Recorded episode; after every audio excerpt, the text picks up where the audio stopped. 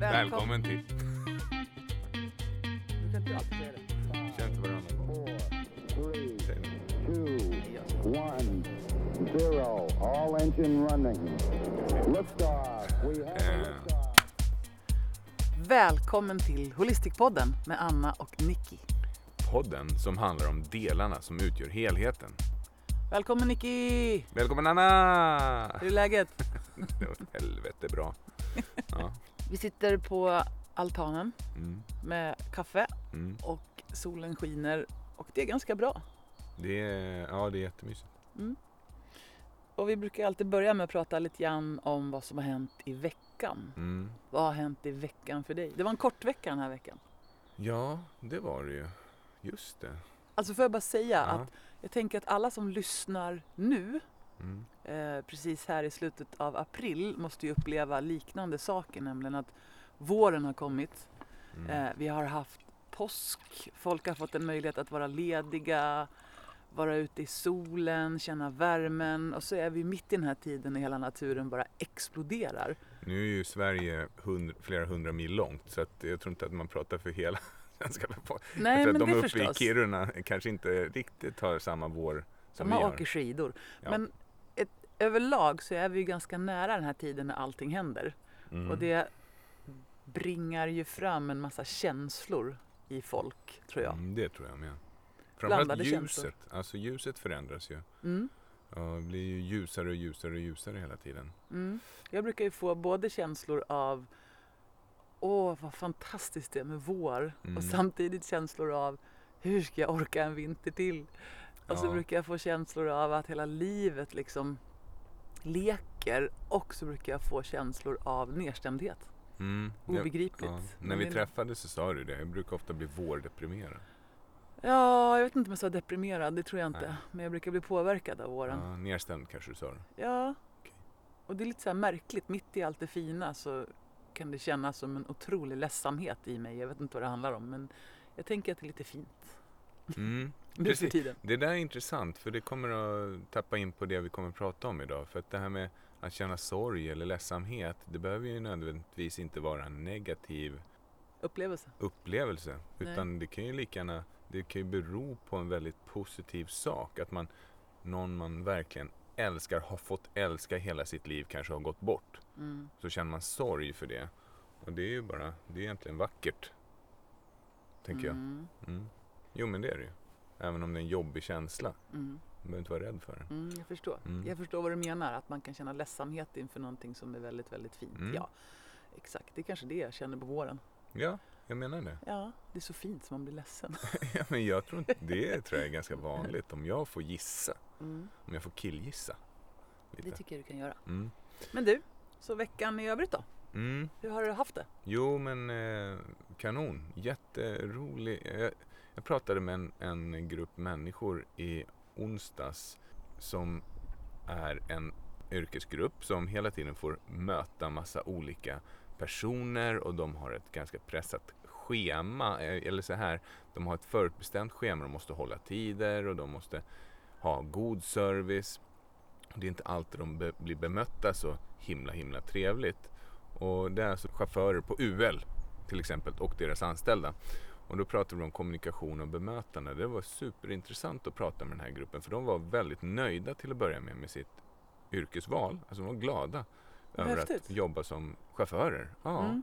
Och eh, jag kan tänka mig att det är rätt tryggt. Man vet Ja. vad man ska göra. Man går upp och så ska man köra sin rutt och så här. Men de hade väldigt olika inställning till hur de bemöter och hur de skapar en positiv arbetsmiljö för sig själva. Vissa Mm. var väldigt nyfikna. Det skapar ju en uppsättning av känslor och tankar.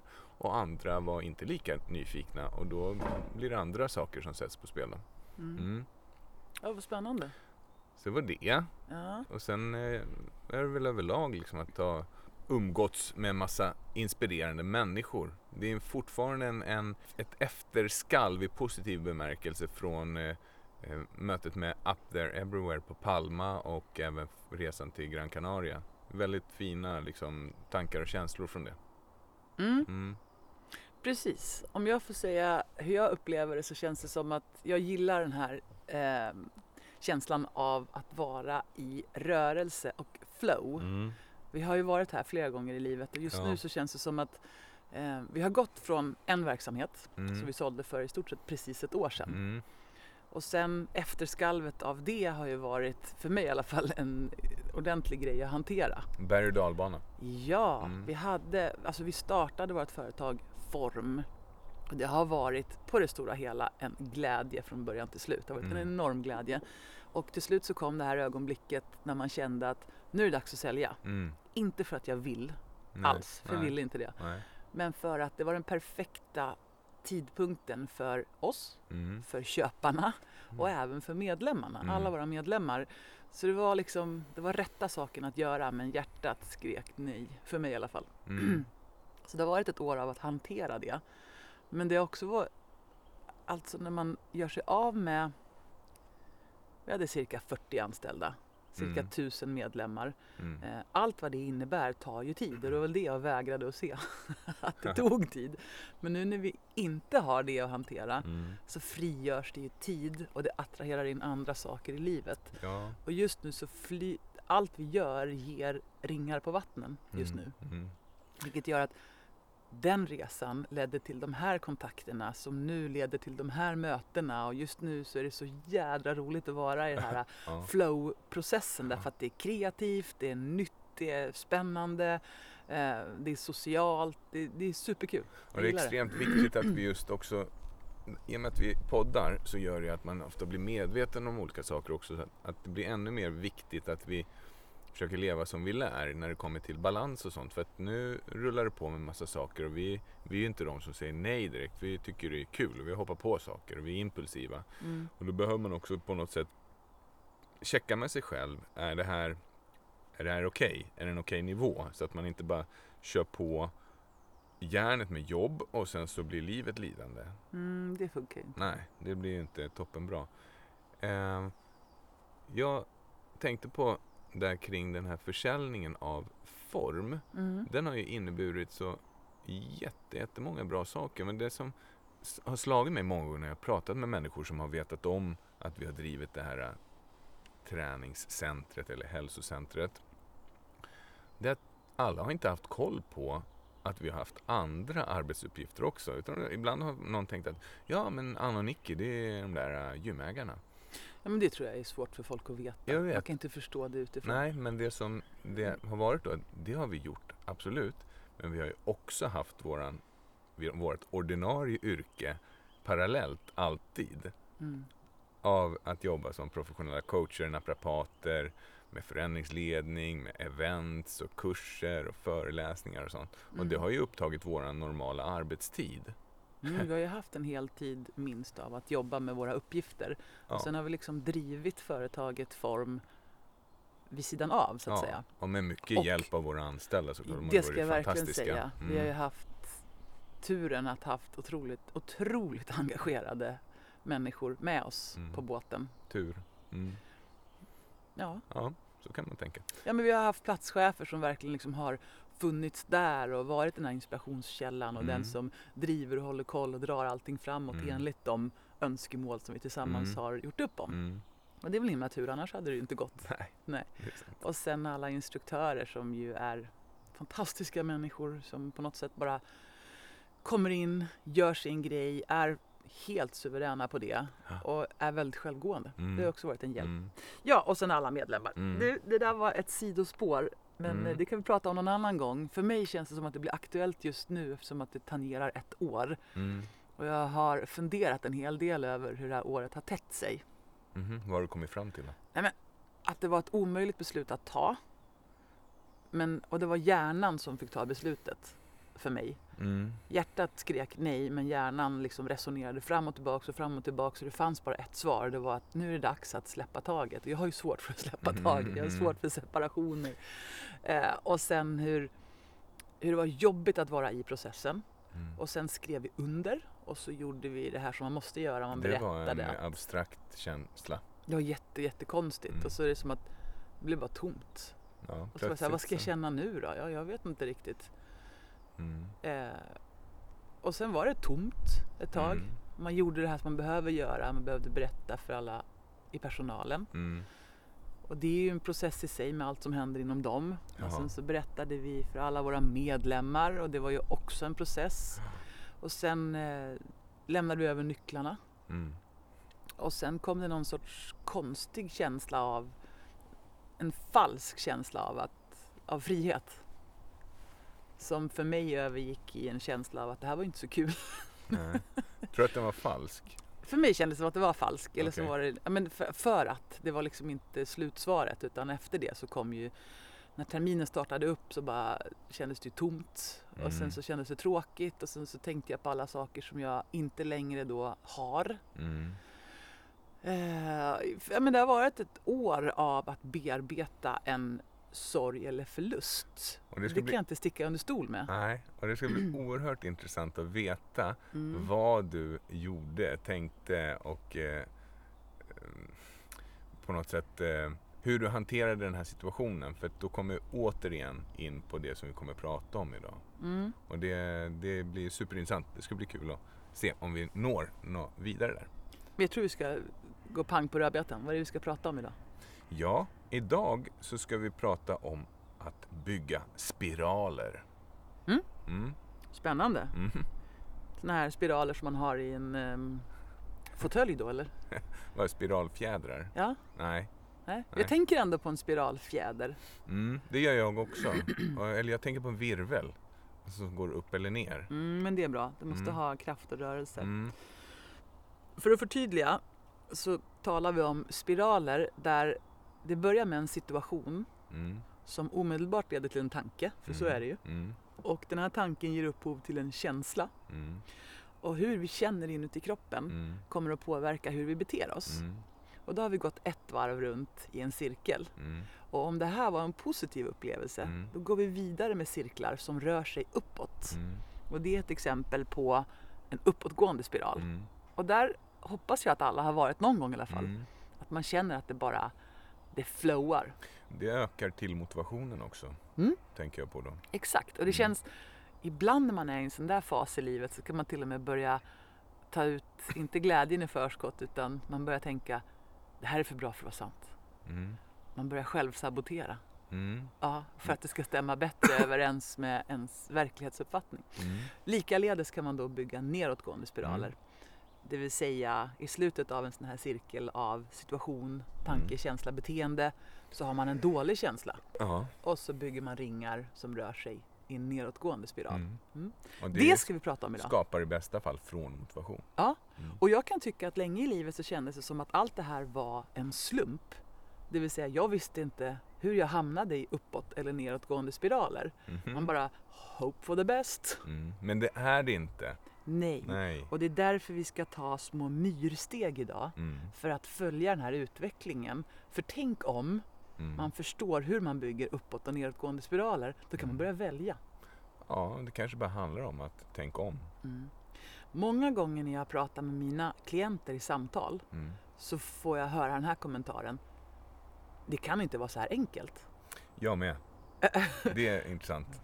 Ja, och det gäller ju naprapati ibland också. Så när man väl knäcker koden så är det mesta i livet enkelt. Mm.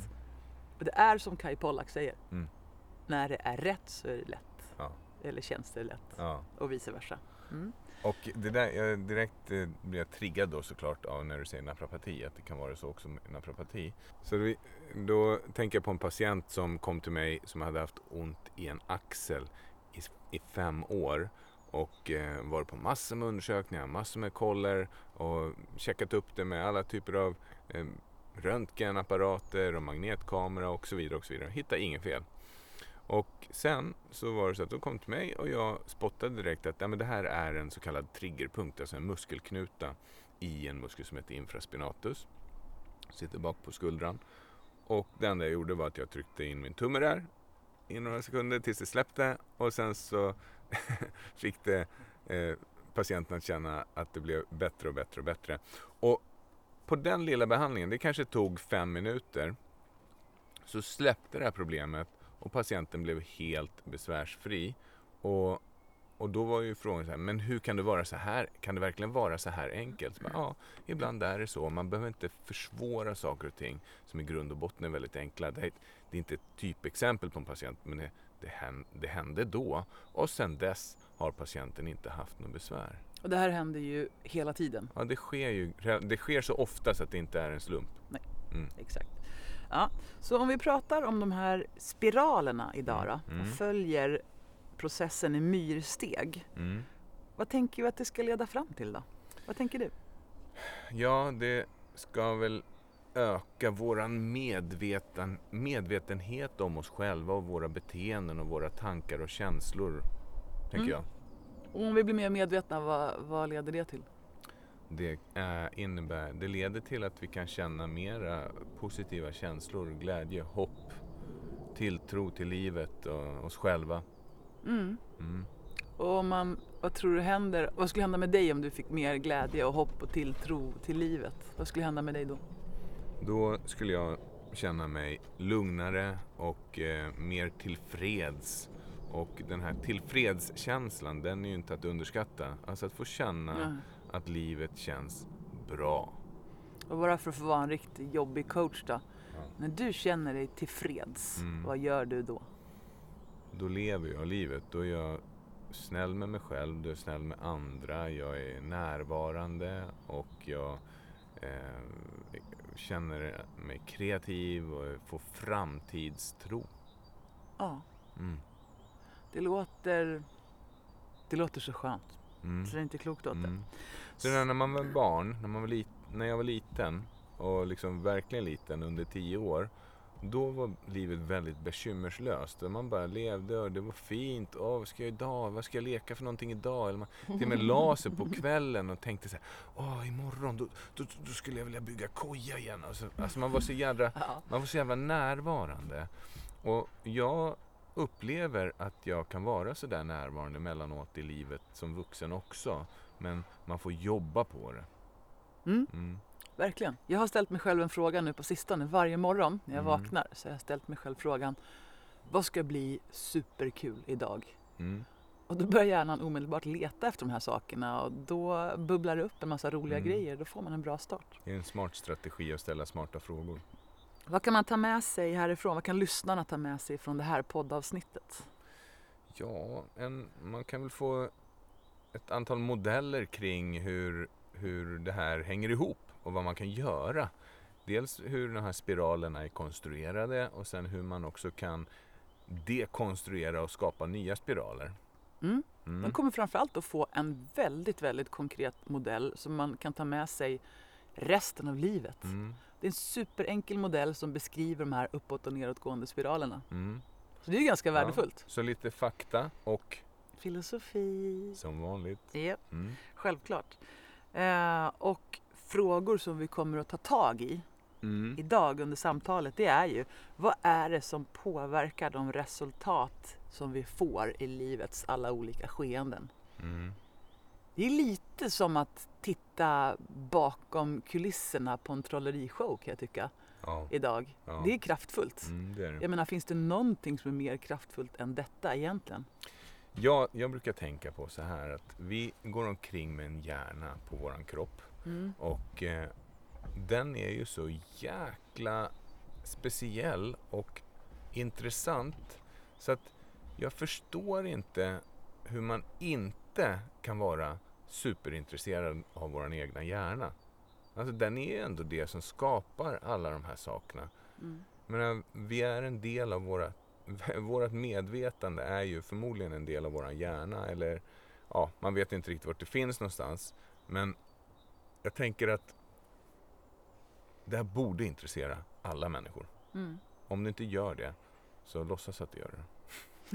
Ja. Jag tror att det här blir ett avsnitt att gå tillbaka till faktiskt och lyssna på igen och igen. Mm. Då kör vi! Mm.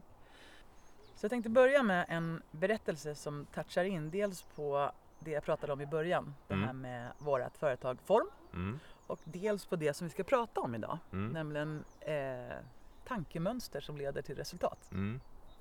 Och då var det så här, vi startade vårt företag år 2000 Och eh, vårt ledord då att ha kul och kul som tusan blev det.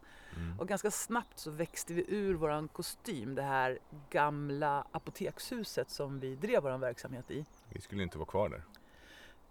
Va? Alltså vi skulle bara vara i Knivsta några år. Ja, det var ju den första. Jaha. Vi fick teckna ett femårsavtal med de eh, hyresvärdarna som vi hade Ja. och vi skrattade och tänkte fem år, det... glöm det. Ja. Blev 18. Det blev 18 år. Det var ett fantastiskt hus. Mm. Längst ner i källaren så hade vi alla våra behandlingsrum och Mm. sen så hade vi omklädningsrum och tvättstuga. Mm. På bottenplan, gatuplan, så hade vi en sal, en reception, ett litet häng och ett PT-gym. Ja.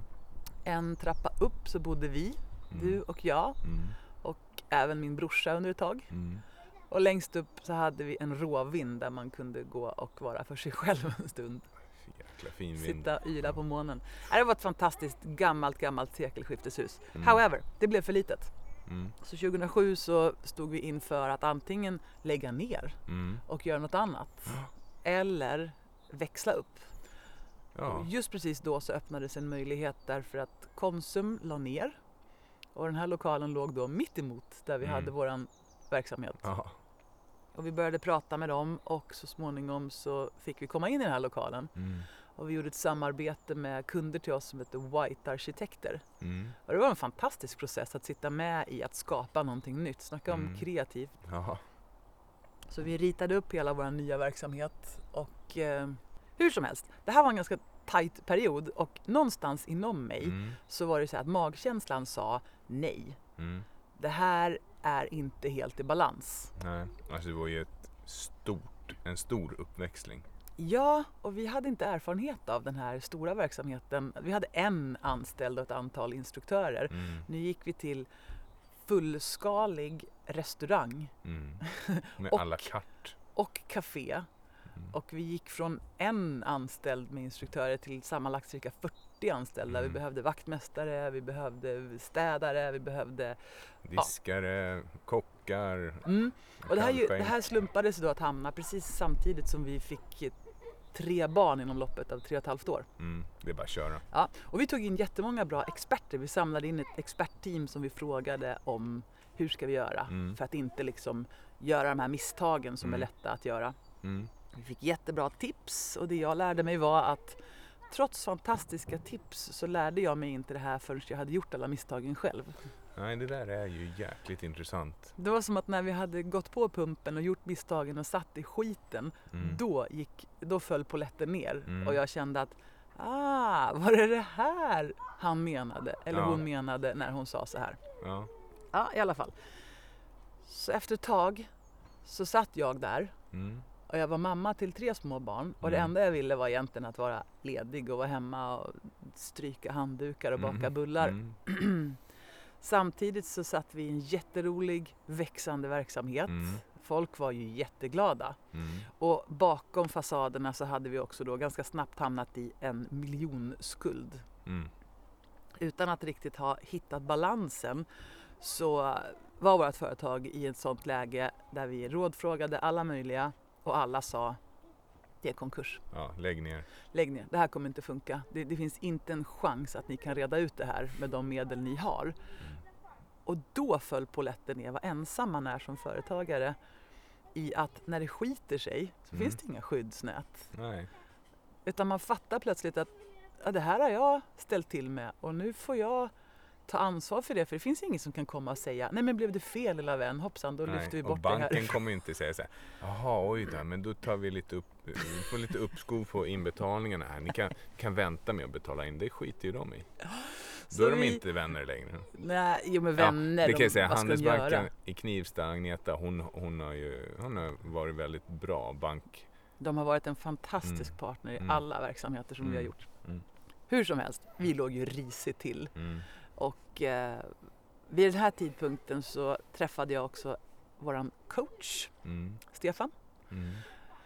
Och då först, det var precis då jag började att gå på coaching och det Mm. gav mig väldigt mycket. Och i ett samtal så satt jag där och var nere, minst sagt. Mm. Och sa till honom att så här och så här ligger det till. Så här känner jag, det är helt värdelöst.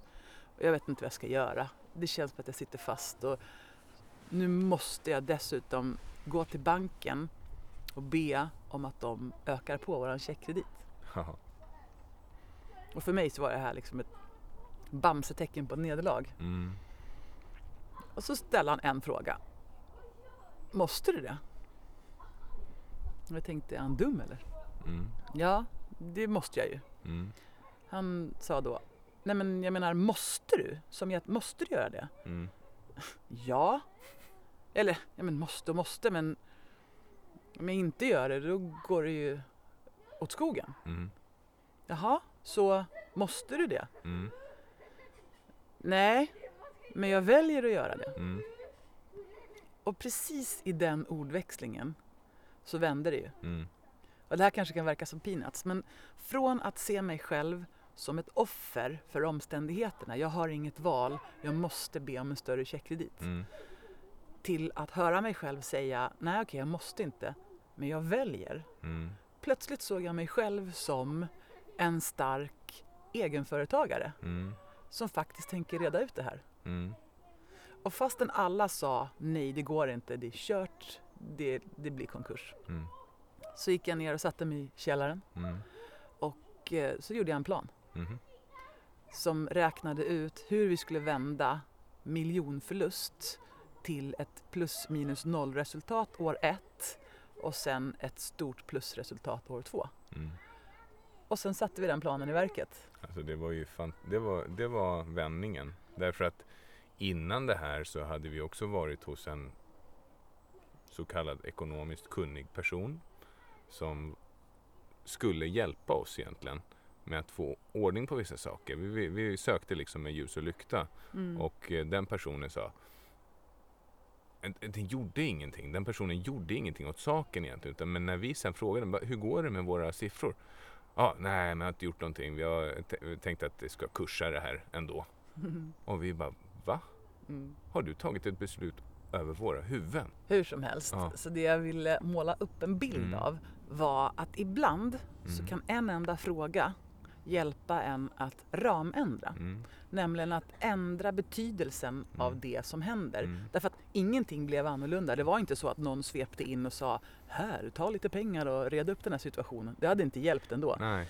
Eh, utan situationen var exakt densamma Mm. men min inställning blev en Mm. annan. Mm. Jag fick byta perspektiv Mm. och med det kom inte en känsla av hopplöshet utan en känsla av kraft. Och nu när jag Yes. tänker på det så kan jag också tappa in den här känslan av att nej men jag väljer och jag Ja. tror på mig. Mm. Och oss naturligtvis, men just den här planen var det jag som gjorde. Ja, du gjorde planen och det gjorde hela vändningen. Och det vi, vi lyckades med det, det som vi hade förutsatt. Ja, efter ett år så hade vi uppnått precis 100% av det som stod i planen. Och det var ju helt fantastiskt och folk förstod inte hur det hade Nej. gått till. Och då ska man tänka på att vi hade ett minusresultat på flera miljoner. Mm. Sen ska jag också lägga till att Mm. vi kunde konstatera att det gick bra, vi klarade det här. Och det roliga var, Mm. eh, i allt elände som var när det var som värst så Mm. gick mamma och jag och för att liksom lätta upp situationen så köpte vi en flaska champagne. Lite gärna som att, ja ja men om skiten ändå ska gå till botten så får vi väl fira det också då.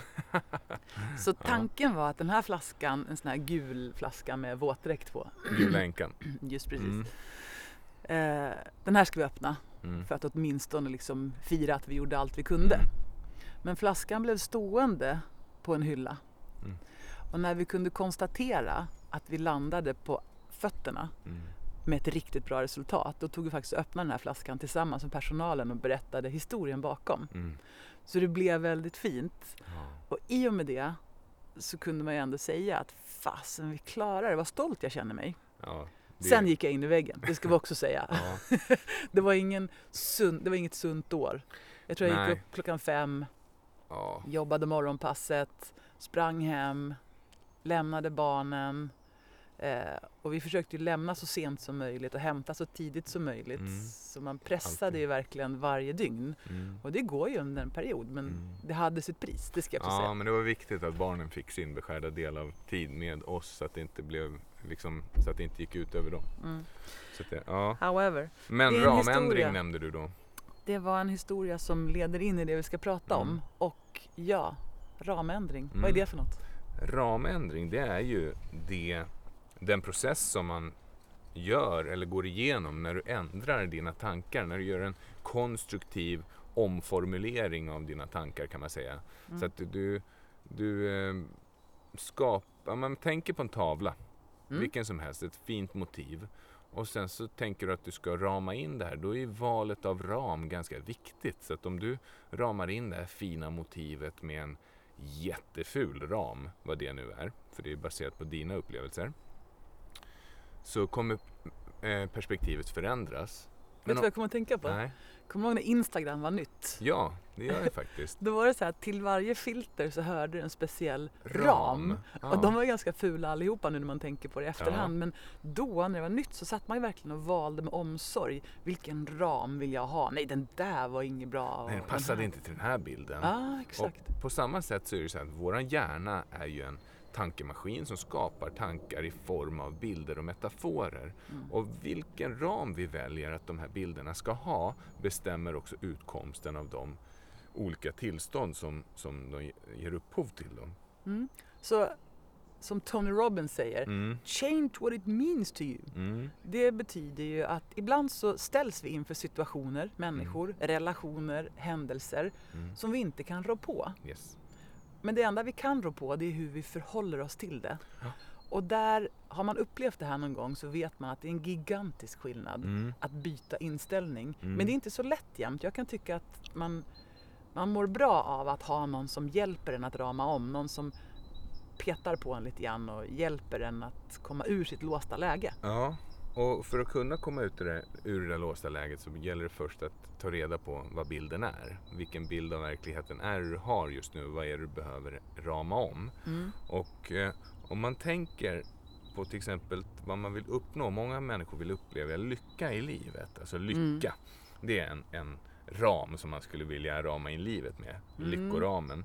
Och då behöver man ju till att börja med förstå att lycka är ett sinnestillstånd, det vill säga en konstruktion av dina tankar. Det är inte en grundkänsla eller något liknande som är lycka, utan det är en konstruktion av dina tankar som skapar känslan av lycka. Och den kan du påverka. Just det, som jag, om jag tänker så här så kan jag få lyckobubbel i magen. Men om Mm. jag tänker så här så får jag något helt annat Ja. känsla i magen. För att du är observatören av dina egna tankar. Det, de är en del av ditt medvetande och du styr det här. Mm. Och d- Alltså kan du aktivt välja tankar. Det går till exempel inte att tänka här, "Ja, men, men om någonting är tråkigt, brukar jag säga, positivt tänkande funkar inte. Om någonting är tråkigt så är det ju tråkigt. Men om det här tråkiga nu skulle ha en annan ram, vad skulle du då välja? Hur skulle du kunna se på det här? Eh, till exempel att börja se misstag och misslyckanden som möjligheter istället. Ja, Eh. precis som i det här exemplet då. För jag kände mig Ja. ju misslyckad. Och jag kände mig hopplös. Mm, Och jag hade ingen väg ut. mm, Men en liten, liten omramning gjorde att jag öppnade upp min hjärna för att tänka möjligheter. mm, Och då gjorde den det. mm. Och dessutom så funkar det. Det är helt otroligt. Ja, och det leder ju till ett förhöjt känslotillstånd som till exempel lycka är. Det är ett förhöjt känslotillstånd. Mm. Mm. Så om vi kollar lite grann på, om vi försöker följa den här utvecklingen i små myrsteg. Mm. För sanningen är ju att det här går så snabbt så man knappt hinner uppfatta vad som hände. Mm. Det enda man märker det är att man känner någonting. Mm. Mm. Det känns dåligt, det känns hopplöst, det Mm. känns värdelöst. Mm. Och vad är, vad är känslor då? då? Ja, Skulle du komma in på det eller? det kan vi väl göra. Ja, Vi kan göra det först. okej. Ja. Det här är ju spännande. ja, det här är ju spännande för att det blir ju så här att, att vi, man kan ju lätt blanda ihop vad det är vi upplever för någonting. Är det här en tanke eller är det en känsla eller är det här en så kallad liksom, grundkänsla som vi har? Och då brukar man säga så att till att börja med så har vi fyra uppdelningar av känslor. Och man brukar dela upp dem i någonting som kallas för affekter, grundaffekter inom psykologin. Och då har vi nio stycken olika grundaffekter. Och det kan vara till exempel glädje, nyfikenhet, överraskning, sorg och skam och såna här saker. Hårda, hårda grejer. Sen har vi känslor. Det är ju de här medvetna upplevelserna av de här grundaffekterna. Det vill säga när vi börjar tänka kring dem, vad det här betyder. Jag känner skam och då tänker jag bla bla bla bla bla. Det skapar en känsla av till exempel, eh, inte vet jag, förvirring. förvirring kan vara en känsla. Och sen då så har vi emotioner. Och emotioner, det är den här kombinerade upplevelsen av de här känslorna och grundkänslorna. Mm, det är lite så. Och det skapar i sin tur ett så kallat state of mind eller sinnesstämning. Och då kan man ju gå igenom livet till exempel under en lång tid i en, en sinnesstämning av harmoni eller lycka eller ja, vad det nu kan vara. Men nu blev det ju jättekomplext. Ja, Kan du förenkla? mm, jag kan nog förenkla. Det vill Vi säga, har alltså affekt, känsla, emotion och sinnesstämning. ja, Men det vi upplever är ju en upplevelse typ. och det vi ofta pratar om precis är känslor. Det är den upplevelsen vi har av det vi i grund och botten känner. Okej. Ja, Så affekter är alltså grundaffekter, glädje, eh, vrede, skam, ilska. Ja. Mm. Och sen har vi en, till exempel en, eh, en neutral känsla som är förvåning. Mm, det är den Den enda neutrala. Ja. Och vi har, hur många utav de där nio är positiva? Då är de, det är, eh, nu ska vi se, det är två positiva. Okej. Eller hur? Det är glädje och nyfikenhet. De är de positiva kän- äh, affekterna. Mm. Och sen har vi en neutral, överraskad och så har vi faktiskt resten av de här eh, är negativa känslor som slår på det negativa känslosystemet. Det vill säga sorg, ilska, rädsla, skam, äckel och avsky.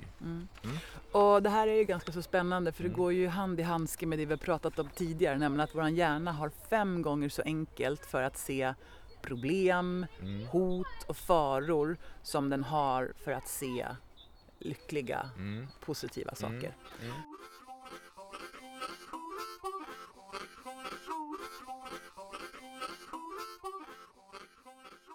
Berättelsen om hur känslorna kom till. Historien tar oss till en mytisk tid då mänskliga känslor just började finna sin plats. Den berättar om hur känslorna kom till på ett rörande väldigt mänskligt sätt. Historien om hur känslorna kom till börjar med att mänsklighetens dygder och brister en dag träffades någonstans på jorden. Tristess började gäspa och infekterade andra med sin lathet. För att motverka detta föreslog galenskap att alla skulle göra något roligt. Låt oss leka kurragömma, sa hon. Intrig verkade intresserad av idén och nyfikenhet frågade omedelbart Vad är kurragömma? Vishet förklarade att det var en gammal lek att allt du behövde göra var att täcka för dina ögon och räkna till en miljon medan alla andra gömde sig. Därefter var den som räknat tvungen att leta efter och hitta alla andra. Entusiasm och eufori började hoppa upp och ner av upphetsning. De älskade tanken på att leka. De verkade så glada att tvivel till slut gav efter och även uttryckte en önskan om att få vara med. Till och med apati, som alltid höll sig för sig själv, uppgav att hon hade för avsikt att delta. Och så började leken. Galenskap erbjöd sig frivilligt att vara den första som räknade och började göra det. Sanning ville inte leka eftersom hon inte såg någon mening med leken. Hon resonerade som så att om de ändå skulle hitta henne i slutändan så var det ingen idé. Stolthet sa att leken var korkad och bestämde sig för att inte leka. Sanningen var att hon var irriterad över att galenskap var den som föreslagit leken och inte hon. Lathet började springa och gömma sig men hon blev trött väldigt snabbt och gömde sig bakom den första sten hon såg. Triumf! Flitig som alltid valde det högsta trädet och klättrade rakt upp till toppen. Avund följde strax efter honom och gömde sig under Triumfs stora skugga. Under tiden började Tro att springa och det dröjde inte länge innan hon till och med började flyga. Till allas häpnad flög hon ända upp till himlen och gömde sig bland molnen. Ingen kunde tro det. Endast tro kunde göra sådana saker. Generositet var mycket orolig för de som, som inte kunde hitta ett gömställe. Därför började hon hjälpa en, sedan en annan och sen en till. Tiden tog nästan slut för henne att gömma sig själv. Själviskhet hittade å andra sidan ett perfekt gömställe i en grotta men han omgav den med torniga växter.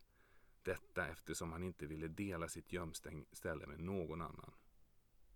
Galenskap var exalterad. Hon räknade och räknade tills hon snart nådde en miljon. Sen öppnade hon ögonen och började leta efter sina vänner. Den första hon hittade var lathet, som bara några steg bort från henne hade gått och lagt sig. Sen hittade hon passion och önskan. De hade gömt sig på botten av några vulkaner. Därefter fann hon oärlighet. Oärlighet var en sån lögnare att hon fick galenskap att tro att hon gömde sig under vattnet. Men sanningen var att hon gömde sig i mitten av regnbågen. Galenskap var också glömska på spåret.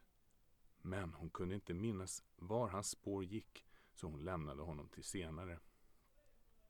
Den enda som inte hade lyckats gömma sig var galensk när galenskap slutade räkna var kärlek.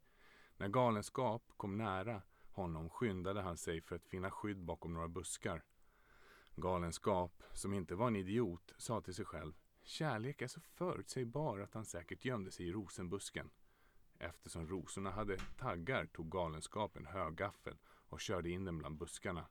Hon hörde ett skrik av smärta och upptäckte att hon hade, skadat kärlekens ögon. Galenskap kände sig verkligen skyldig och visste inte vad hon skulle göra. Allt hon kunde tänka sig var att gå ner på knä inför kärlek och be om hans förlåtelse. Hon erbjöd sig också att bli hans guide för evigt därefter eftersom hon hade förstört hans ögon.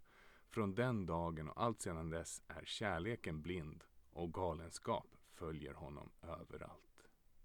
Och det är slutet på den här vackra berättelsen om hur känslorna kom till. Det är en historia som tilldelar vissa personliga egenskaper till våra känslor och de här egenskaperna avgör våra känslomässiga upplevelser. Hmm, visst kan de flesta av oss känna igen oss i våra egna liv.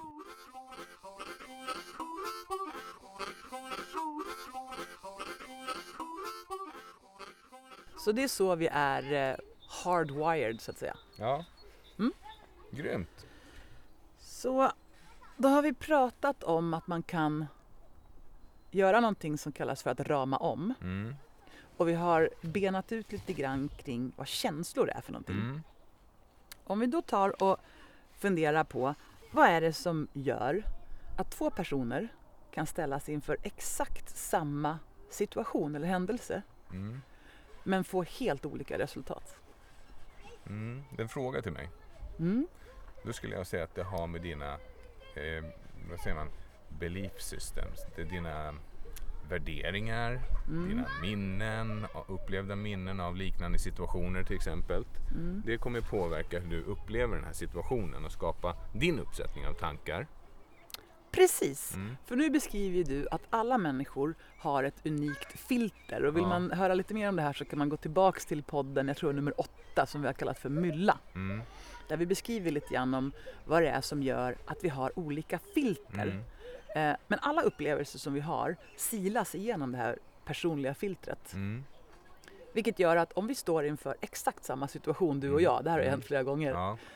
då kan du få en tanke om att oj, vad spännande. Mm. Medan jag kanske kan få en tanke om att åh nej, Mm. det är kört. Ja. Mm. Och det handlar ju helt och hållet eh, om vilka tankar vi kopplar till de emotioner som vi får då. Mm. Eller de affekter. Mm. Mm, precis, och vill man tänka sig som en piltavla Mm. så kan man tänka sig så här att längst inne i piltavlans mitt Mm. så står det någonting som heter grundantaganden. Mm. Det innersta delen av löken, Mm. våra mest basala övertygelser om hur livet ter sig. Mm. Och de här är unika och individuella och beror dels på vad vi har ärvt och dels på vad vi har växt upp med. Mm. Utan- Myllan. Myllan, precis. Mm. Myllan och arvet. Och sen så, myllan och fröet. Ja. Mm. Utifrån våra längst inifrån kommande grundantaganden så skapar vi ett antal livsregler som vi kallar det för. Mm. Mm. Sådana här övertygelser som alla bär på, som Mm. oftast startar med man måste ju, nej Mm. men man ska ju, jo men man borde väl. Mm. Inom NLP kallat för föreställningar. Just precis. Alla de som liksom är så självklara för oss, de är ju inte självklara. Det är ett val som jag har gjort utifrån vad jag är övertygad om. De är konstruerade, precis. Ja. Mm. Och utifrån då grundantaganden och livsregler så kommer det en massa tankar. Och man kallar de här för automatiska tankar. Mm. Därför att det är inte så att vi ens behöver stanna upp alltid utan det är bara tjoff, de Mm. bara kommer. Och ibland så kallar vi de här för negativa automatiska tankar. Mm. Det vill säga utan att stanna upp, utan att reflektera, utan att ens bli medveten Mm. så får vi till exempel en negativ automatisk tanke. Mm. Och nu har vi kommit in på här, den här modellen som vi ska Mm. prata om idag. Mm. Så vi utsätts för någonting, Mm. en viss situation. Vi får en tanke och den här tanken kommer att leda till en känsla omedelbart. Mm. Det kommer också leda till att våran kropp beter sig på ett visst sätt. Mm. Och beroende på vilken känsla vi har i kroppen så kommer vi bete oss på ett visst sätt. Mm. Det här kan ju vem som helst relatera till. Har man en bra känsla i kroppen då går man in i en situation kanske med en känsla av styrka, hopp, övertygelse, tro. Det, det sätter ju liksom standarden för vad du ska, vilket resultat du kommer att få enormt viktigt. Det gör ju det. Mm. Det är ju ingen slump att eh, idrottslag och atleter jobbar med mental träning. Vi Nej. vill hitta den där bra känslan. Mm. Och vilken känsla du har leder till ett visst beteende. Och så som du beter dig kommer ju påverka ditt resultat Mm. på kort sikt. Och sen kan man också börja prata om vilken effekt får det här då på lång sikt? Mm. Att om du får det här resultatet regelbundet, låt oss säga att du får ett väldigt positivt resultat. Mm. Vad kommer effekten bli på lång sikt då? Mm. Jo men det kommer ju bli fantastiskt. Mm. Eller åt andra hållet, det kommer bli förödande om jag Mm. fortsätter på det här sättet. Mm. Och då kanske det här verkar väldigt enkelt. Mm. Vi har en situation som skapar en tanke, som leder till en känsla, som påverkar vårt beteende, som ger ett resultat på kort sikt och som kommer att ge en effekt på lång sikt. Enkelt! Mm. Det låter ju enkelt, men hur gör man då, då om man till exempel hamnar, om, om det, situationen är att du får panik varje gång du ska åka till jobbet. Oj, gud vad jobbigt! Ja. Ja. Varje gång Ehm, jag ska till jobbet får en panikattack. ja, det är ju drygt. Vad gör man då då? Fröken KBT-terapeut. Nu ska jag lösa Ja, hela gåtan. ja gjort. Så då kan vi göra ett litet körschema. Okej. Vi skriver så här, situation Mm. att åka till jobbet. Mm. Mm. Känsla. Ja, känsla är ju panik, Ja, eller hur? ja. Mm. Och redan där så börjar det bli lite intressant. Mm. Därför att jag får panik. Det är ju ingen grundkänsla, det är ju en tanke. Ja. Så tanken skulle kunna vara jag får panik. Och känslan är då stark rädsla. Ja. Ja. Men det kan också Avsky. avsky, avsmak, eh, Ja. ledsamhet. Ja. Alltså grundkänslan bakom behöver inte självklart vara rädsla. Nej. Det kan vara något annat också Ja. som skapar panikkänslor. Mm. Och jag kan slå vad om att det fanns en tanke Mm. innan känslan av panik. Mm. Mm. Som till exempel skulle kunna vara eh, jag vet inte hur jag ska lösa den här dagen eller jag vet inte hur jag ska rå på den här relationen för den gör mig ledsen. Eller Mm. Mm. sådär. Precis, så det finns en grundorsak till, till Ja. själva Just känslan. precis. Mm. Om det nu är en jobbig situation Mm. då finns det en negativ automatisk tanke. Mm. Och det som är så spännande då det är att få fatt på den. Vad var det du tänkte? Mm. Och det här är folk oftast omedvetna om. Mm. Jag vet inte, jag bara kände att jag fick panik. Mm. Och det är just därför man kallar det för myrsteg. Att Mm. leta efter vad var den negativa automatiska tanken? Mm. Och det är oftast en typ av katastroftanke. Det här som vi så ofta och lätt får. Mm. En förutsättning om att det här kommer gå åt skogen eller Ja. jag kommer inte klara av det här eller det här hemska kommer att hända. Mm. Och när du tänker den tanken Mm. då börjar din hjärna blixtsnabbt att skapa en bild av det här inuti huvudet. Ja. Och om bilden finns där då kan inte hjärnan skilja på om det är på riktigt eller på låtsas. Nej.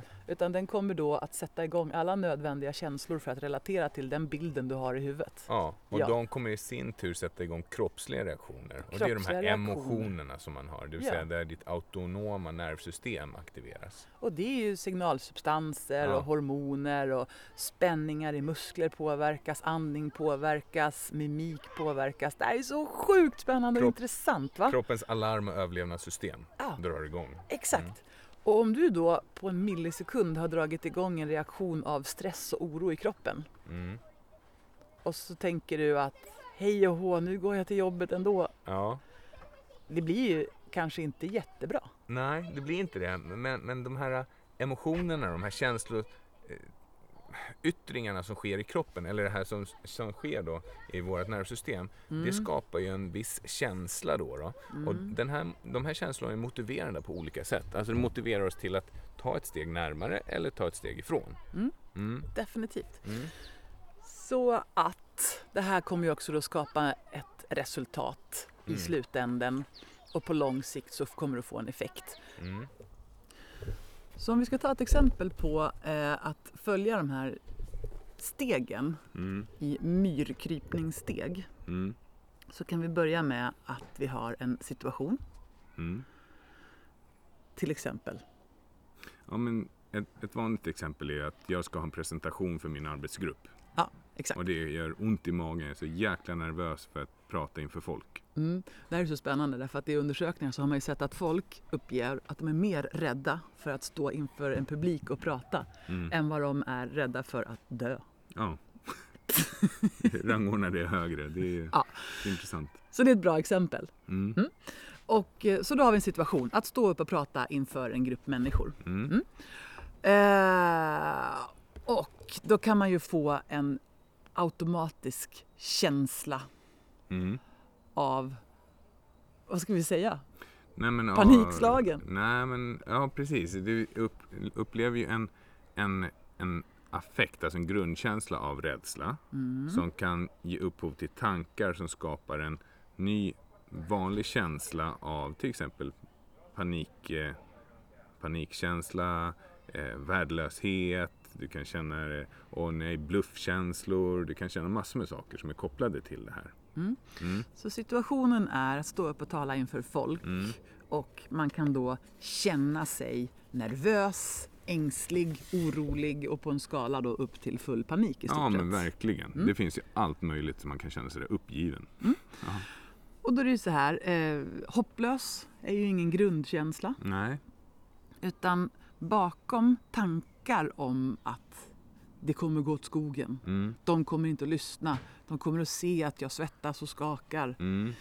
Sådana tankar kan ju Mm. komma automatiskt och Mm. då kallar vi dem för negativa automatiska Mm. tankar. Mm. Och de leder ju fram till en känsla Mm. och grundkänslan där bakom kan ju till exempel vara rädsla. Ja. Eh, Men det skulle också kunna vara en annan grundkänsla där bakom. ja, precis. Det här kommer ju då att leda fram till ett beteende. Mm. Därför att om du får en bild i huvudet av att jag kommer att misslyckas. Mm. Då kommer ju din hjärna inte att se någon skillnad på bilden som du har målat upp där Nej. eller verkligheten. Nej. Utan den kommer ju direkt att få ett svar i kroppen Mm. Av hormoner och signalsubstanser. Du kommer att få en viss grundspänning i kroppen. Din andning kommer att bli på ett visst sätt. Mm. Eh, Du kanske till och med kommer att svettas Mm. och skaka Mm. och så vidare. Och det här kommer ju påverka hur du beter dig när du Mm. väl kliver upp där. Det ger upphov till automatiska beteenden också, reflexstyrda beteenden i och med att den här reptilhjärnan och limbiska systemet aktiveras. Mm. Så det, är ju, ju, det gör ju att man blir inte särskilt kanske smart i det läget. Nej, och du kan ju dra igång en riktig hotrespons i Mm. kroppen vilket inte alls påverkar eh, hur det blir. Mm. Så en tanke, Mm. en situation leder till en automatisk tanke Mm. som skapar en känsla. Mm. Och med den känslan som du då kliver upp och ställer dig och håller det här anförandet Mm. så kommer det att ge ett visst beteende. Mm. Och då har vi gått tre kvarts varv runt i den här Mhm. Hjulmodellen Mm. eller snurrmodellen. Mm. Och det som är det värsta eller det bästa Mm. det är att ditt beteende kommer att skapa ett resultat. Mm. Mm. Blev det en bra, blev det ett bra anförande eller blev det ett mindre bra anförande? Mm. Och sen kommer du att titta på det här resultatet och dra en slutsats. Så låt oss säga att du ska hålla ett anförande. Du får massor med negativa tankar, du får en Mm. jobbig känsla i kroppen, ditt Mm. beteende blir liksom inte på topp. Och du tar sen efteråt och avgör att det där gick ju åt skogen. Mm. Åh vad dålig jag var, jag ska aldrig mer om det här. Nej. Då har du fått ett resultat som du sen kommer att använda som ett kvitto Mm. inför nästa gång. Mm. Så din ingång nästa gång som du ombeds att hålla ett anförande eller en Mm. presentation och sånt. Det kommer ju vara om möjligt då ännu sämre. Mm. Åh, jag är så dålig på det här och jag minns hur det gick sist, det var katastrof. Ja. Och då går du in med en ännu sämre känsla och där har du börjat att bygga en nedåtgående spiral. Och det liknas ju precis hur man bygger upp vanor. Mm. Alltså det är ju vanemässiga beteendemönster som skapas. Mm, Mm. Precis, vi har ju positiv och negativ förstärkning Mm. på alla saker som vi gör här i livet. Mm. Får du en positiv förstärkning, ja men då kommer hjärnan att linka det här till någonting som var trevligt och bra. Mm. Mm. Och då kan man ju tycka så här, men då är det hopplöst då. Mm. Därför att jag är dålig på att stå framför folk så Mm. det är kört. Mm. Men nu kommer ju det fiffigaste av allt. Ja, det är ju det här med ramändring egentligen. Ja, Mm. det är ramändra är ju egentligen då att välja en annan tanke. Ja. Eller att ändra vad det här betyder för dig. Mm. Har du någon gång stått där inför, inför att du ska stå inför folk Mm. och känt att det känns jobbigt? Nej. Aldrig? Nej. Det var intressant. Inte i vuxen ålder. Nej, okej. När jag var yngre tyckte jag det var jobbigt. Mm. Mm. Du är ju rolig du. Mm. Det finns ju många situationer när du, man ser ju på dig att du skäms som en hund. Bara, Åh, jag vill inte göra Nej det men här. dansa ute på en, en klubb eller Mm. något. Dansa for no good reason. Det är pinsamt. Det tycker du är jättepinsamt. Mm. Eller om någon skulle säga så här, kan inte du sjunga en liten sång? Ja, ja men det är också pinsamt. Ja, det tycker det, du är jättejobbigt. Ja, det var det. Och det var samma så här på roliga timmen i skolan. Om man skulle göra någonting som var lite halvseriöst. Det var pinsamt. Men skulle jag Mm. göra någonting som var spexigt, då gick det bra. Mm. Oj, jag känner Mm. inte dig som en spexare. Nej, det var inte så spexigt kanske, men Mm. Men då kan jag gå till mig själv då. Ja. Eh, Efter alla dessa år av att ha stått inför grupper av människor så känns det ju väldigt sällan jobbigt nu för tiden. Mm. Men det kan fortfarande komma situationer när jag känner att hot om misslyckanden Mm. är för stor. Mm. Och jag känner så här, wow, det här, är ju, det här kan verkligen gå åt helskotta. Då har jag ett val. Mm. Antingen att gå in i att måla upp massor med bilder av hur det går åt skogen och hur dåligt Mm. det kan gå. Och det här kommer då förstärka min rädsla och jag Mm. kommer kliva upp där och vara spänd, osäker, kanske flacka med blicken Mm. och eh, fara omkring och se ganska nervös och osäker ut. Ja, Och det kommer naturligtvis att påverka hur det tar sig. ja, självklart. Så mitt knep, Mm. det brukar vara att jag överöser mig själv med vad är det som ska bli så kul. Ja, fan, Varför är det här viktigt? Varför längtar jag efter Varför gör jag det här överhuvudtaget? Jag, liksom, måste jag göra det här? Mm. Nej, jag måste ju inte. Jag Mm. kan ju till exempel kliva av och säga jag har inte lust, jag har inte tid, jag vill inte, det här kostar mig för mycket eller Mm. sådär. Och det jag vanligtvis brukar komma fram till då det är till exempel min passion för det jag ska säga. Mm. Jag tycker att det är viktigt på riktigt och det betyder någonting. Mm. Och tanken på att det jag säger Mm. kanske blir viktigt för någon annan. Mm. Så pass viktigt så att den personen kan hitta en nyckel till att må bättre. Mm. Då känner jag att det brygger över alla eventuella tankar om att någon kommer att sitta och tycka att jag inte är tillräckligt bra eller tillräckligt tydlig eller tillräckligt rolig eller vad det nu kan vara. Mm, Okej, och det där är ju jäkligt smart faktiskt. För det du gör är att du kopplar på eh, frontalloben. För Mm. att de här två glädje och nyfikenhet, Mm. det är liksom, de, de konstrueras ju av tankar som du behöver tänka i frontalloben, i prefrontala cortex. Alltså medvetna tankar kring det här. Mm. Så det, det är ju otroligt intressant. Så det är ett sätt att ramändra. Att till exempel bara påminna mig själv om varför det är roligt, varför det är viktigt. Och det ger mig en helt annan uppsättning av känslor i kroppen för då börjar jag bli exalterad ska jag Mm. säga. Så Då börjar jag bli så här, nej men nu, nu vill jag gå och göra det här. Nu kan Ja. jag inte ens vänta tills dess att den här föreläsningen startar därför att jag vill ställa mig och göra det här nu för jag vet att det är bra, jag vet att jag har någonting att säga och liksom, det finns inte en chans att jag kan misslyckas därför att det här budskapet är tillräckligt viktigt. Mm. Och då bär det hela vägen. Och då brukar det vanligtvis vara så att jag är i glädje och nyfikenhet när jag Mm. gör mitt eh, anförande eller vad det är. Mm. Vilket ju oftast speglar av sig så att efteråt kan man dra slutsatsen av att det där var kul, Mm. det där var bra. Och det ger Coolt. mig ett kvitto som stärker mig inför nästa gång. Mm. Minns du hur det gick sist? Ja, men det gick bra, det Mm. kändes bra. Nice. Har du några exempel Ja. på när du har ramändrat någonting? Ja, i eh, relation till andra människor. Mm. Så, för det där var ju när du ska göra någonting själv så ramändrar man det där. Men sen när jag ska relatera till andra människor, så man tar under en period i mitt liv så hade jag ganska svårt att umgås med min eh, far. Mm.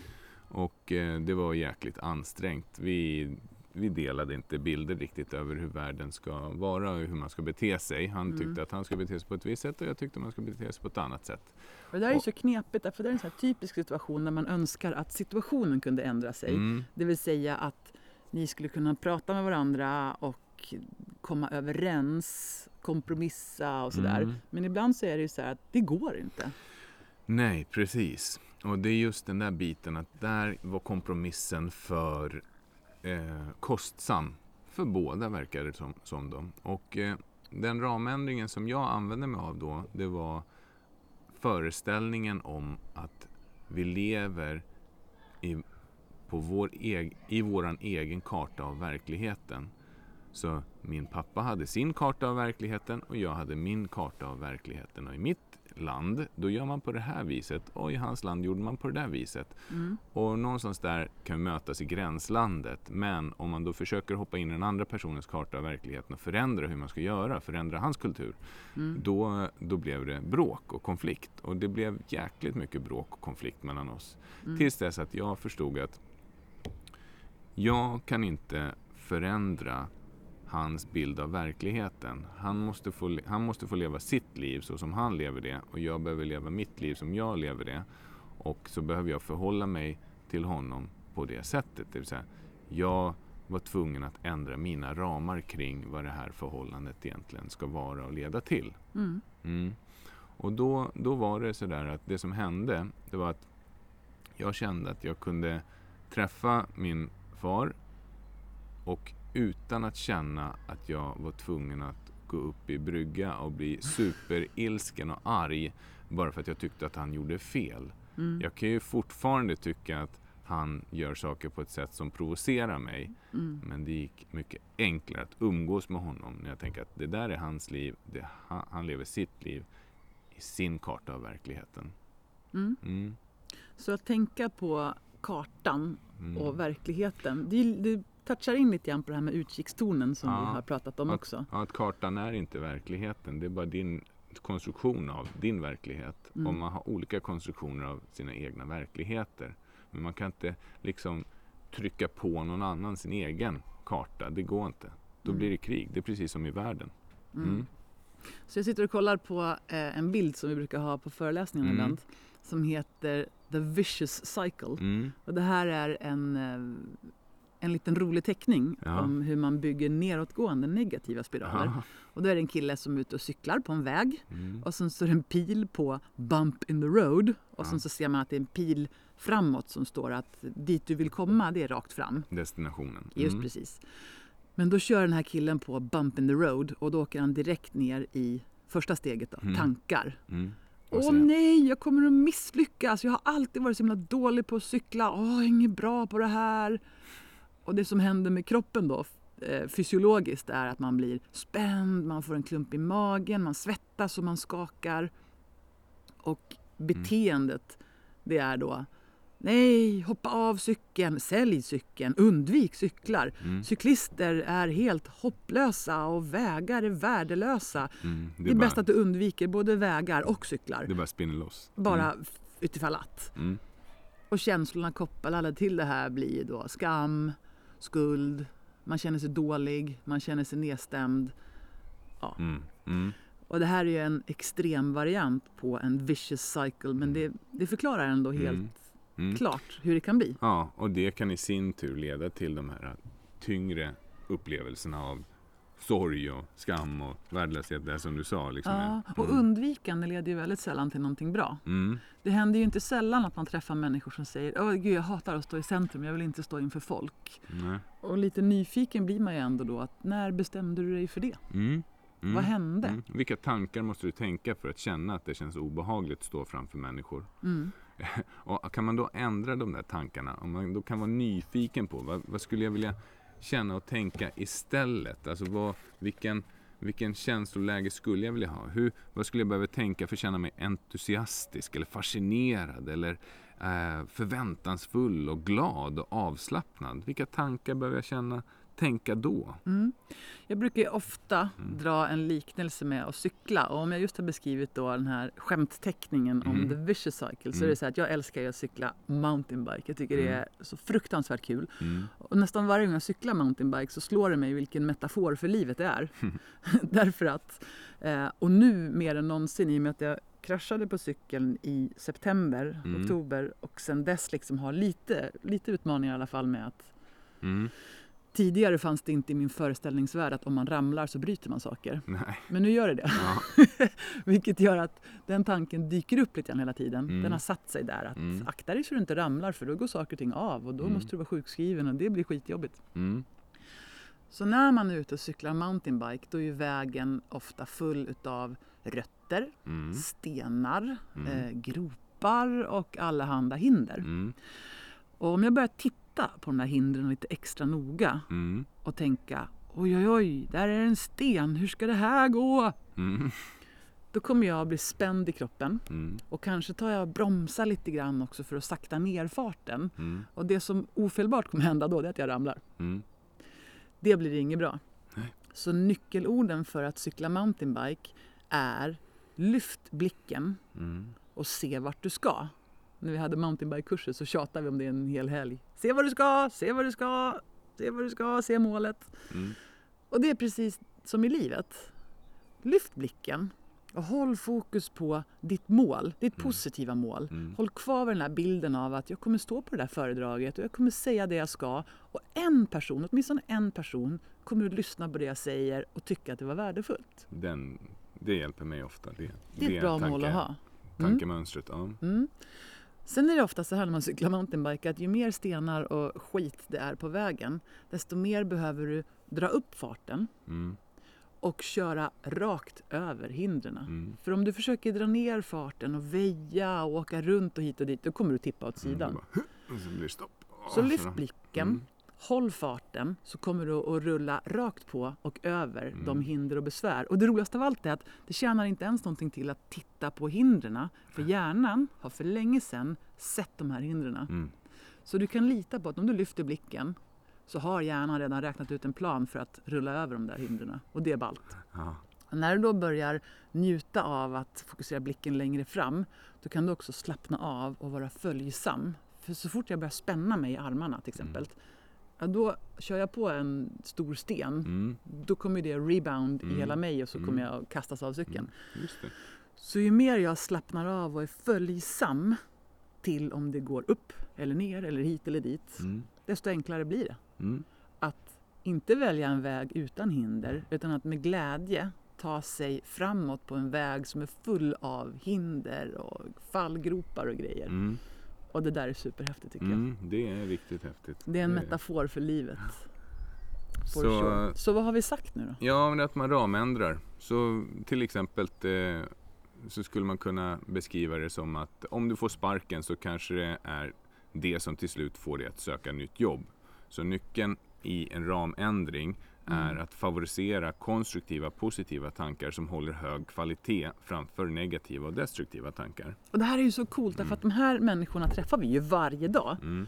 Och det är ju nästan alltid så här att en jobbig period i livet Mm. är ju oftast startskottet till någonting nytt. Det är ju Mm. tyvärr så. Mm. Ur någonting väldigt jobbigt och frustrerande föds bra saker. Mm. Det är nästan alltid så. Och det handlar ju om att aktivera eh, frontalloben. Och Mm. en bra, ett bra sätt att göra det, det är att ställa smarta frågor. Till exempel en problemlösarfråga skulle kunna vara så här. När du, du står inför ett problem, det är skitjobbigt, allting är pest och pina. Mm. Men så ställer du ändå frågan till dig själv. Vad är det som är helt fantastiskt med det här problemet? Mm. Ja, är ingenting. Okej, vad skulle kunna vara helt fantastiskt med att det här problemet har uppstått? Om du tvingar dig själv i att tänka de tankarna, då kommer hjärnan komma fram till en konstruktiv, mer positiv Ja. intention till det här. Mm. Och, och då blir det lättare att se eh, möjligheter. ja. Och det är precis det det handlar om. Och det där är liksom in absurdum kan man Mm. hålla på med det här. Mm. Eh, jag vet inte när det var, jag tror det var i januari så hade vi en period du och jag gick igenom en period när vår relation inte var så enkel. Mm. Det går ju lite i vågor. Vi pratade om det i relationspodden. Vi gjorde ju det. Mm. Men alltså det går ju lite upp och ner och hit och dit. Och jag kan ju minnas år när vi har varit igenom stressade saker och då är ju relationen inte alltid på topp. Nej.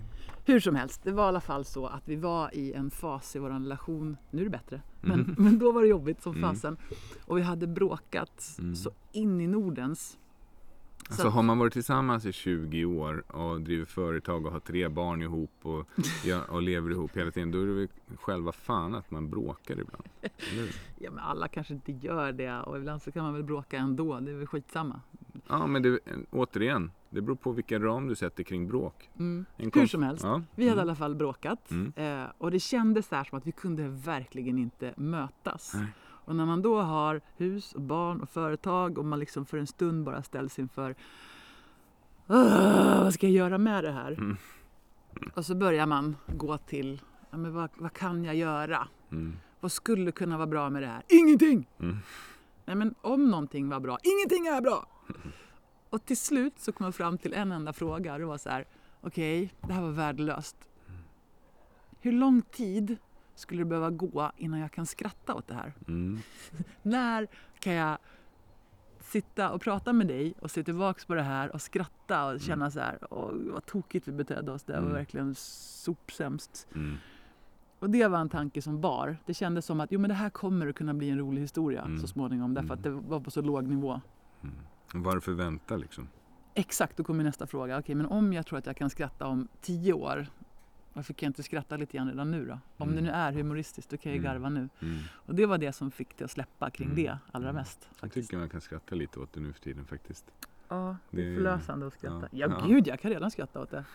Jättedumt. Fånigt. Men, och vet du vad? Jag kommer Nej. att tänka på en sak kring den problemlösarfrågan. Här är ett, bara ett hinttips liksom, från coacherna. Det är att ställ inte den här frågan till din partner, ställ den till dig själv. Det kan vara sjukt provocerande. Ja, men det, vad, vad, vad är det som är helt fantastiskt med att det här problemet har uppstått? Alltså, pang! det är inte bra. Eh, Utan de här frågorna är till för att ställa till din egen hjärna, till dig själv.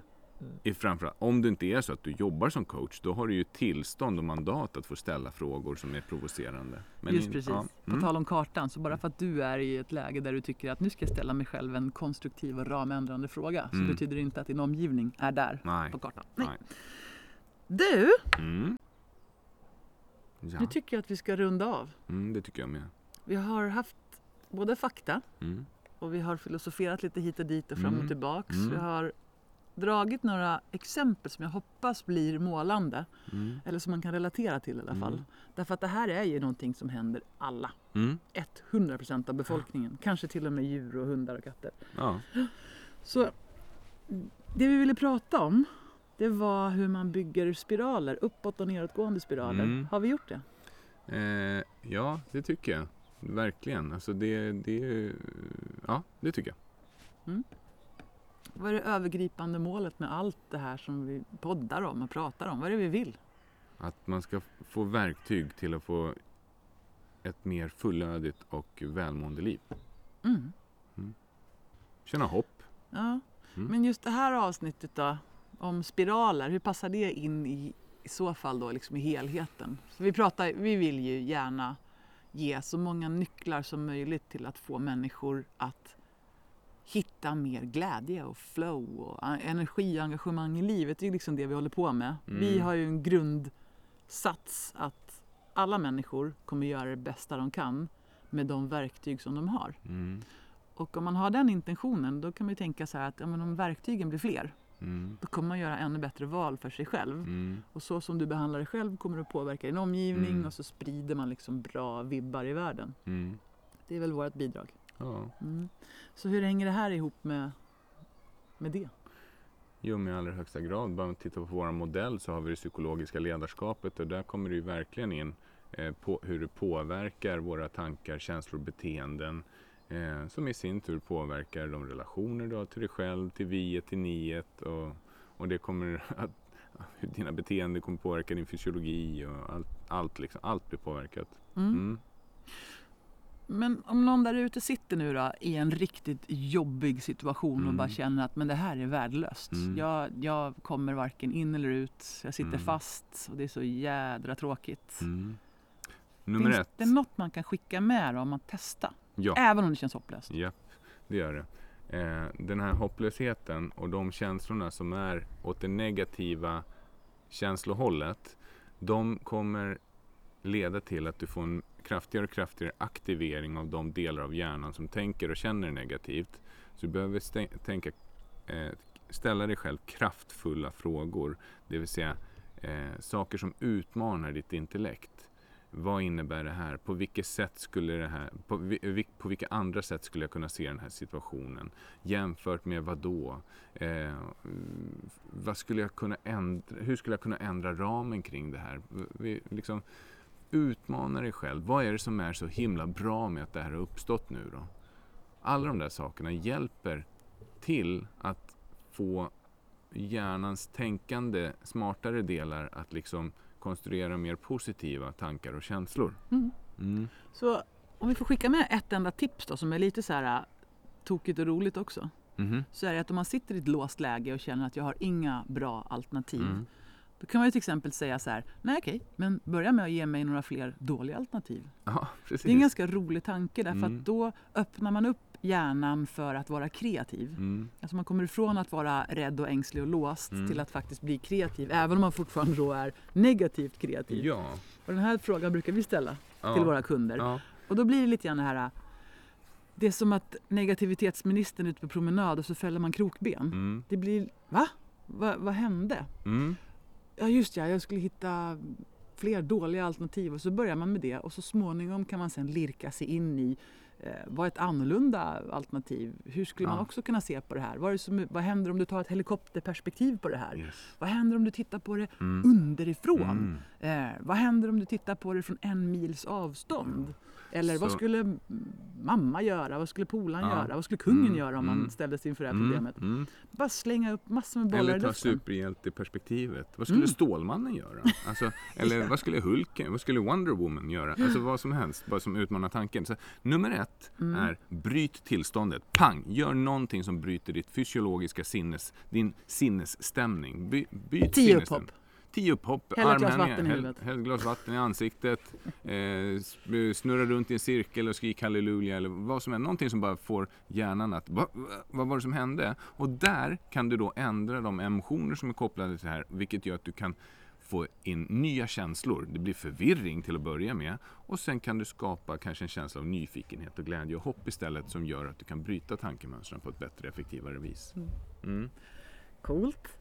Eh, så om utmaningen skulle kunna vara den här då att kring ett låst läge hitta, bara få fram tio alternativa tankar Mm. om det här problemet. Mm. Oavsett om de är dåliga, konstiga, roliga, positiva, Mm. knäppa. Det spelar Ja. ingen roll. Nej. Men det kommer att bryta tillståndet. Yes. Det finns ju ett uttryck som heter “Where your focus goes, your, energy, flows”. Mm. Och ibland så, det här händer ju mig jätteofta, Mm. att man blir problemfokuserad Mm.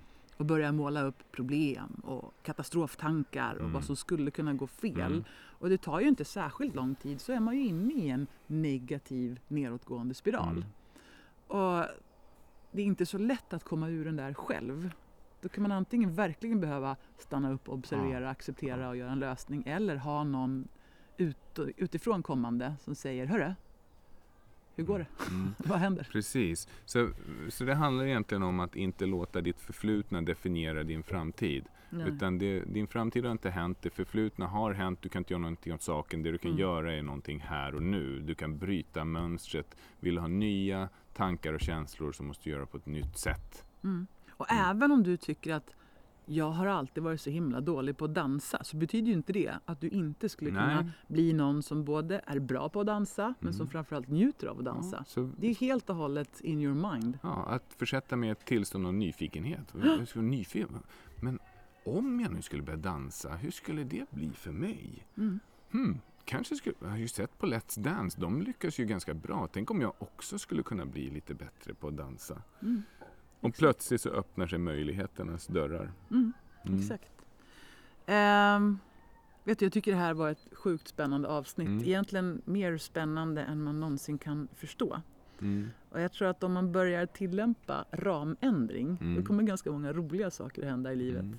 För ingenting är ju för sent. Kanske är det för sent för mig att ta OS i gymnastik. I Paralympics. Det, det, det vet jag inte. Finns inte OS för seniorer? Eller veteraner? Jag vet inte. Nej. Får kolla upp det. får I kolla. gymnastik. För jag vet att de som kör så sprint och sånt, de som är över 100, då brukar det vara en eller två deltagare. Så det är alltid någon som får guld eller silver. Hörru, det är vad jag ska göra. Jag ska vänta ut min omgivning och sen när jag kommer i klassen 90 till 100 Ja. då kan jag äntligen Det är aldrig få för bli... sent. Det är klart du Nej. kan ta en OS-medalj. Du får bara vänta tillräckligt länge. Ja, Ja. och se till att bli tillräckligt gammal. I simning, tänk dig. Jag tar en OS-medalj i simning. Det var det jag ville! Ja, det var det du ville. Och så, så får du det fast du är 95. Mm. Och så, så kör du 25 meter frisim. Mm. Och så säger man life moves in mysterious ways. Jag satt, målsatte ju att jag skulle få en OS-medalj, men jag satte aldrig tiden före. Nej, där kom den. När kom? Du, kan vi eh, avrunda eller? Ja, jag tycker. Kan vi göra det? Ja, Mm. då gör vi det. Mm. Tack för idag. Hej då! Hej då! Och som vanligt så är det ju så här att om ni vill nå oss på ett bra och effektivt sätt, då kan ni nå oss via de personliga meddelanden som ni kan skicka via Facebook eller Instagram. Och ni följer oss på Facebook och Instagram via formholistic, at formholistic. Men ni kan också skicka mail via formholistic@gmail.com och ni kan också gå in på vår hemsida formholistic.com för att eh, läsa vår blogg och titta på vad det är mer vi gör och sysslar med. Och följ oss gärna på LinkedIn också på Form Holistic Leadership. Eh, och ge oss feedback, ge oss beröm och uppskattning och ge oss fem stjärnor på iTunes, recensioner och så vidare. Det är jätteroligt. Och kom gärna med förslag på ämnen och tips och idéer som, som ni tycker att vi ska ta upp i, i podden. Det är jätteroligt. Får vi se om din, just din idé kommer fram i eten.